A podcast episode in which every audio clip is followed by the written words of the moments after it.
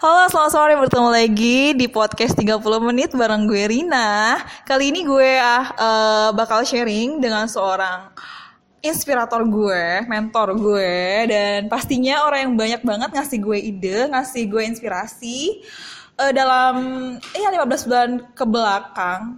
Uh, seorang bisnis, mentor bisnis namanya Miss Ines. Halo, selamat sore.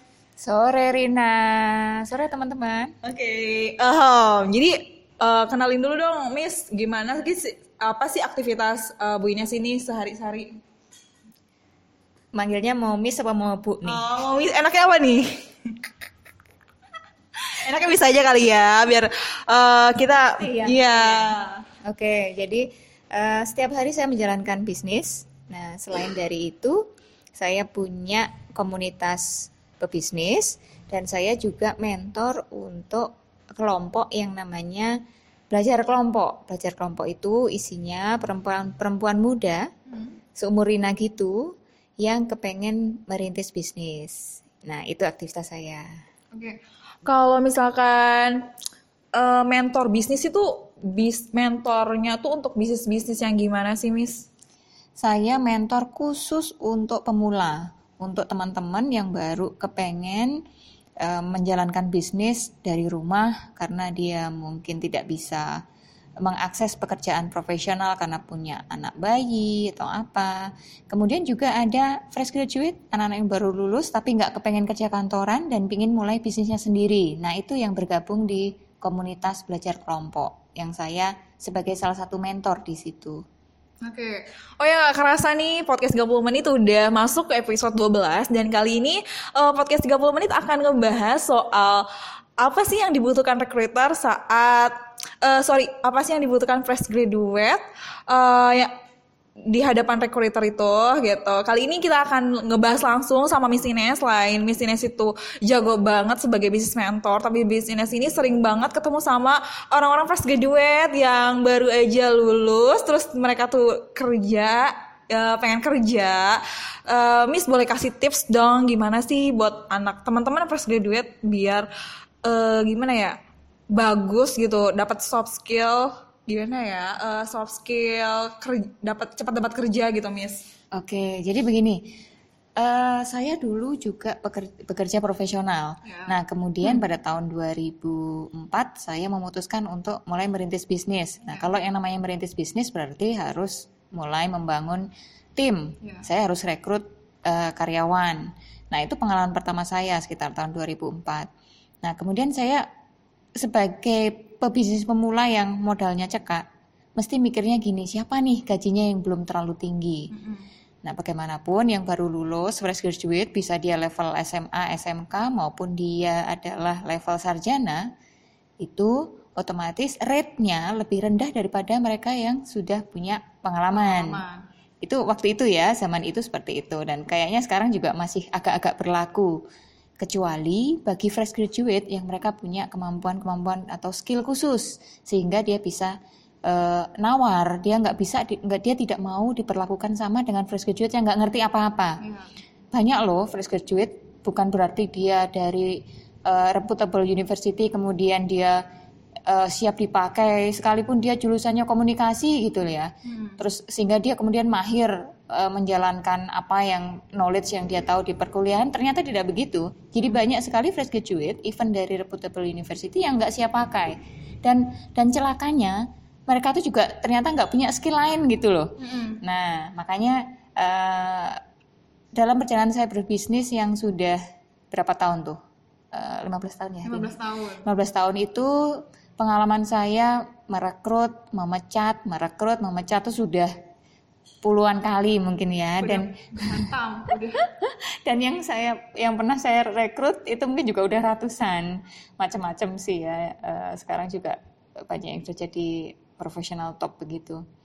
Nah saya mau bilang bahwa apa tadi pertanyaan Rina gimana caranya fresh graduate itu punya nilai tambah iya, betul. sehingga mungkin dia akan lebih mudah berkompetisi dalam persaingan pencarian nah, kerja iya. gitu kan nah nah ini gini rahasianya saya sebagai rekruter uh, ketika menerima CV itu akan saya lihat ini anak waktu kuliah dia aktif nggak seperti itu ya saya akan lihat di eh, unit aktivitas apa dia ikut. Kan biasanya dia menulis tuh kepanitiaan ini, kepanitiaan ini sebagai apa-apa. Nah itu saya lihat tuh. Nanti pas interview, karena kan saya nggak mungkin tanya pengalaman kamu apa orang dia baru lulus ya. Maka yang jadi pertimbangan saya adalah apakah dia bisa menceritakan aktivitas dia ketika dia menjadi mahasiswa. Seperti itu. Nah, eh, dari situ saya bisa lihat nih, anak ini males pas kuliah sebenarnya mungkin kuliah tidur, kuliah tidur gitu aja atau wah ini anak nongkrong nih. Dia temannya banyak, pergaulannya luas. Itu semua akan jadi nilai plus.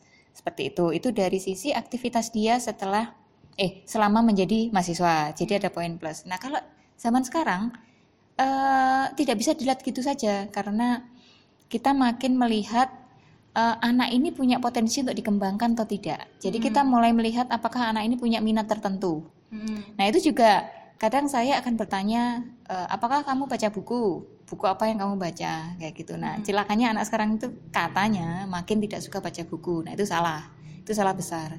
Kamu tetap harus punya minat di mana minat itu membuat kamu mempelajari sesuatu dengan serius dan itu bisa punya nilai jual ketika kamu melamar pekerjaan kayak gitu Rin. Iya. Terus apa lagi ya? Eh, terkait dengan soft skills. Jadi begini, sekarang ini eh, kita akan lebih menghargai fresh graduate yang misalnya dia itu mahir Excel, Oh iya. spreadsheet tuh ya, dia mahir spreadsheet sampai semahir-mahirnya. Dia bisa bikin rumus, bikin segala macam lah, bisa bikin diagram, semahir report segala macam lewat spreadsheet. Itu berharga loh. Iya. Seperti itu. Kemudian kita akan eh, suka juga dengan fresh graduate yang dia ternyata ngeblog, dia punya blog, dia punya vlog seperti itu. Atau dia punya akun media sosial lain seperti Instagram atau eh, dia nge-tweet dan kontennya lucu, kontennya bagus. Dia bisa mendevelop follower. Nah, itu juga sangat dicari dan sangat diminati. Jadi sekarang selain dari saya itu melihat dia dulu waktu mahasiswa ngapain, saya akan melihat di luar ngapos dia punya pergaul- pergaulan apa. Apakah dia punya komunitas lari? Seperti itu ya. Waktu ketemu Rina juga saya tanya, "Oh, kamu lari seperti apa?" Nah, itu eh, kita mengukur ini anak kegigihannya seperti apa, mentalnya seperti apa. Kita nggak mau rekrut sepinter apa pun tapi dia males, dia nggak punya motivasi. Seperti itu tuh perusahaan mana pun nggak akan terlalu berminat. Kita akan melihat sebagai person dia tuh seperti apa. Oh dia punya sesuatu yang seru, dia punya hobi. Hobi itu penting, jadi jangan dianggap bahwa hobi itu tidak ada nilainya. Hobi itu akan dilihat oleh orang, eh, oleh rekruter ya, seperti itu untuk melihat potensi seseorang. Nah kemudian kembali ke soft skill tadi, eh, misalnya anak itu ternyata punya pengetahuan, dia biasa ngeblog atau ngevlog atau IG-nya bagus. Nah kita bisa lihat oh ternyata dia bisa menulis. Kalau fresh graduate udah ada potensi bisa menulis, bisa menstrukturkan kalimat dengan baik, artinya cara berpikirnya itu runut gitu. Nah, potensi-potensi seperti itu eh, adalah modal, modal yang sangat mahal buat fresh graduate itu dan bagi rekruter, nah ini eh, berkualitas nih. Saya bisa mengembangkan semua perekrut perusahaan mana pun yang merekrut fresh graduate itu artinya dia mencari orang yang siap untuk dididik. Oke. Nah, seperti itu. Nah, kita nih mau melihat nih, ini anak antusias nggak? Makanya kan kalau untuk fresh graduate selalu uh, eager to learn something new, uh, antusias, terus fast learner seperti itu. Karena ya dia kan nggak punya pengalaman. Maka yang kita harapkan adalah gimana caranya kamu setelah direkrut bisa belajar dengan cepat. Setelah kamu belajar dengan cepat, kamu paham, kamu berlatih, mahir, jadi ahli kan? Biasanya Oke. begitu, jadi skill- skillful. Jadi begitu uh, urutannya adalah memang eh, teman-teman yang mas sekarang mungkin masih kuliah atau baru lulus dan masih bingung bagaimana, kalian harus cepat-cepat bangun kompetensi. Kalian bisa apa? Jangan sepelekan sosial media karena itu akan selalu dicek sekarang. Termasuk ya eh, kalau eh, kalian memakai sosial media secara salah buat maki-maki atau apa itu juga akan menjadi catatan penting buat perusahaan. Agak mengerikan kan kalau kita rekrut orang ternyata dia perilakunya psikopat gitu loh di sosial media. Itu pasti nggak orang nggak nggak mau gitu seperti itu. Terus hobi tekuni hobi dengan serius eh, kemudian yang pasti tunjukkan hal-hal lain di luar materi perkuliahan atau di luar jurusan perkuliahan yang kalian tempuh. Seperti itu itu menjadi plus zaman sekarang. Jadi eh, pola rekrutmen itu sudah sangat berbeda. Nah tren ke depannya bahkan sudah ada 12 eh, perusahaan multinasional ya, perusahaan besar. Uh, saya agak lupa tapi kalau kalian googling nanti pasti bisa keluar. Mulai merekrut mulai merekrut profesional itu mulai merekrut profesional tidak berdasarkan ijazah. Bahkan kalau dia tidak lulus dia tidak lulus studi dia nggak uh, dia nggak lulus studi tertentu tapi dia punya kompetensi tertentu itu sangat diminati. Nanti silahkan di googling ada 12 uh, eh, big company multinational company ada Facebook ada Google terus Pricewaterhouse apa ya kalau saya nggak salah ya tapi nanti tolong dicek. Itu sudah mulai mengubah pola rekrutmen mereka. Jadi mereka lebih mencari potensi dan keahlian. Bukan lagi melihat kamu lulusan dari uh, university mana. Seperti itu bukan? Nah, seperti itu ya. Jadi kalau buat kalian yang sekarang sedang kuliah terus merasa nggak cocok dengan jurusannya, segeralah bangun kompetensi yang menurut kamu sesuai dengan minatmu sehingga kamu tetap bernilai jual tinggi. Gitu Rin. Kayaknya ada banyak banget nih. Oke, Bu Bus. Uh, uh, Miss kayaknya menarik banget ya pembahasan kita. Aku mau nanya nih soal tadi soal menulis. Ke, aku pernah baca, pernah dengar atau pernah dengar juga katanya tuh zaman sekarang menulis itu uh, setara keahliannya kayak ngetik ya bu ya, kayak kayak programmer. Kayak programmer. iya, katanya tuh kayak uh, kalau dulu kan uh, ngetik itu adalah sebuah keahlian. Kalau sekarang kan ngetik itu sebuah keharusan. Nah, uh, apa zaman sekarang itu uh, nulis itu adalah sebuah bisa nulis itu sebuah keharusan gak sih, Miss? Uh, ya betul sekali, Rina. Jadi sekarang itu eranya era konten, era konten. Artinya siapa yang uh, siapa yang uh, bisa mendapatkan perhatian dari dari publik, dari target market, dari audiens, dari siapa pun itu berdasarkan konten, berdasarkan isi. Ini ada isinya nggak sih gitu? Hmm. Ada message-nya nggak sih atau cuman uh, ngawur-ngawuran aja gitu ya? Uh, kurang lebih analoginya seperti itu. Oleh karena itu kemampuan menulis itu sudah menjadi satu kemampuan wajib.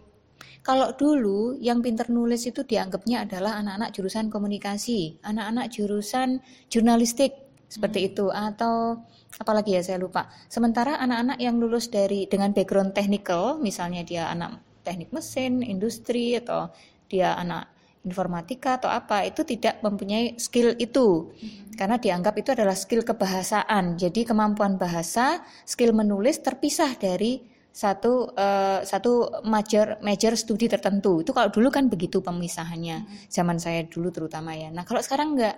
Menulis dan public speaking itu adalah kemampuan dasar. Jadi siapa pun kamu kamu mau kuliahnya eksakta teknik atau whatever atau matematik atau atau yang sekarang kan apa trennya ke arah big data atau apa kuliah-kuliah semacam itu tetap kalian perlu menguasai skill menulis. Kemudian kalian harus melatih menguasainya mempelajari. Nah kemudian e, karena menulis itu menjadi ukuran bagaimana kamu bisa menstrukturkan logika berpikirmu. Nah itu satu ya skill hmm. menulis. Dan satunya yang juga wajib adalah public speaking. Okay. Public speaking bukan berarti nanti kamu jadi penceramah atau dalam tes dalam tes rekrutmen itu kamu akan disuruh pidato tidak. Tapi public speaking dalam uh, artian adalah kamu bisa menyampaikan gagasanmu secara verbal dengan urut. Hmm. Tidak banyak kata tetapi jelas, benar, message-nya benar. Nah, itu kuncinya di situ. Itu jadi dua skill ya, skill uh, public speaking dan penulisan itu masuk dalam communication skill. Dan itu emas itu harus itu itu sudah uh, harus dikuasai oleh siapa pun kemampuan untuk menuliskan pikirannya berpendapat dan kemampuan untuk menyampaikan jadi secara tertulis in written hmm. dan kemampuan untuk menyampaikannya secara verbal oke okay. oke okay. oke okay, ini adalah pertanyaan terakhir ya Miss jadi uh, apa apakah bahasa Inggris sangat penting gitu pada zaman sekarang yang Miss apa ya selama pengalaman Miss Ines itu nge-hire orang apakah bahasa Inggris itu adalah hal penting di dalam perekrutan di dalam uh, bahasa Inggris iya uh, sekalipun dalam pekerjaan tidak ada hubungannya sama bahasa Inggris tapi tapi kemampuan berbahasa Inggris itu tujuannya adalah begini. Bagaimanapun sekarang yang namanya knowledge itu tersedia melimpah dalam bahasa Inggris. Hmm. Seperti itu. Kemudian dengan adanya teknologi informasi, dengan komputer, teknologi internet, kemudian ya sekarang perkembangan sekarang nih ya, 4.0 ya, seperti itu IoT, Internet of Things dan lain-lain, itu kan frase-frasenya, eh, ter terminologinya itu kan in English. Sehingga kalau eh, kalian tidak punya kemampuan bahasa Inggris yang baik, kalian tidak punya senjata untuk bisa mengakses informasi dan knowledge yang latest, yang terkini, yang terbaru, yang tercanggih gitu loh. Oleh karena itu, mau tak mau, suka tak suka, Hmm. ya kalian harus bisa berbahasa Inggris. Iya. Seperti itu. Jadi eh, sangat penting Rina dan itu nggak bisa ditawar lagi Hmm. bahasa Inggris. Eh, bahkan kalau di tempat lain ada yang eh, suka kalau kandidatnya itu juga bisa berbahasa Inggris dan bahasa lain misalnya Mandarin seperti itu. Eh, teman-teman menarik banget ya pembicaraan gue sama Miss Ines ini. Eh, khususnya untuk teman-teman yang belum lulus atau mau lulus atau emang udah lulus tapi belum dapat kerja semangat. Eh, terus gali skill kalian bahwasanya tuh jangan rendah hati kalau kalian Rendah diri. rendah diri, sorry. rendah diri kalau kalian emang Eh, Eh, iya grogi banget sama seorang bisnis mentor internasional yang terkenal banget.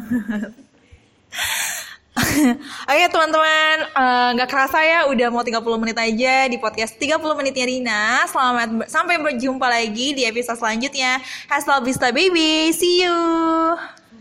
gue, gue, gue. Kalau aku nggak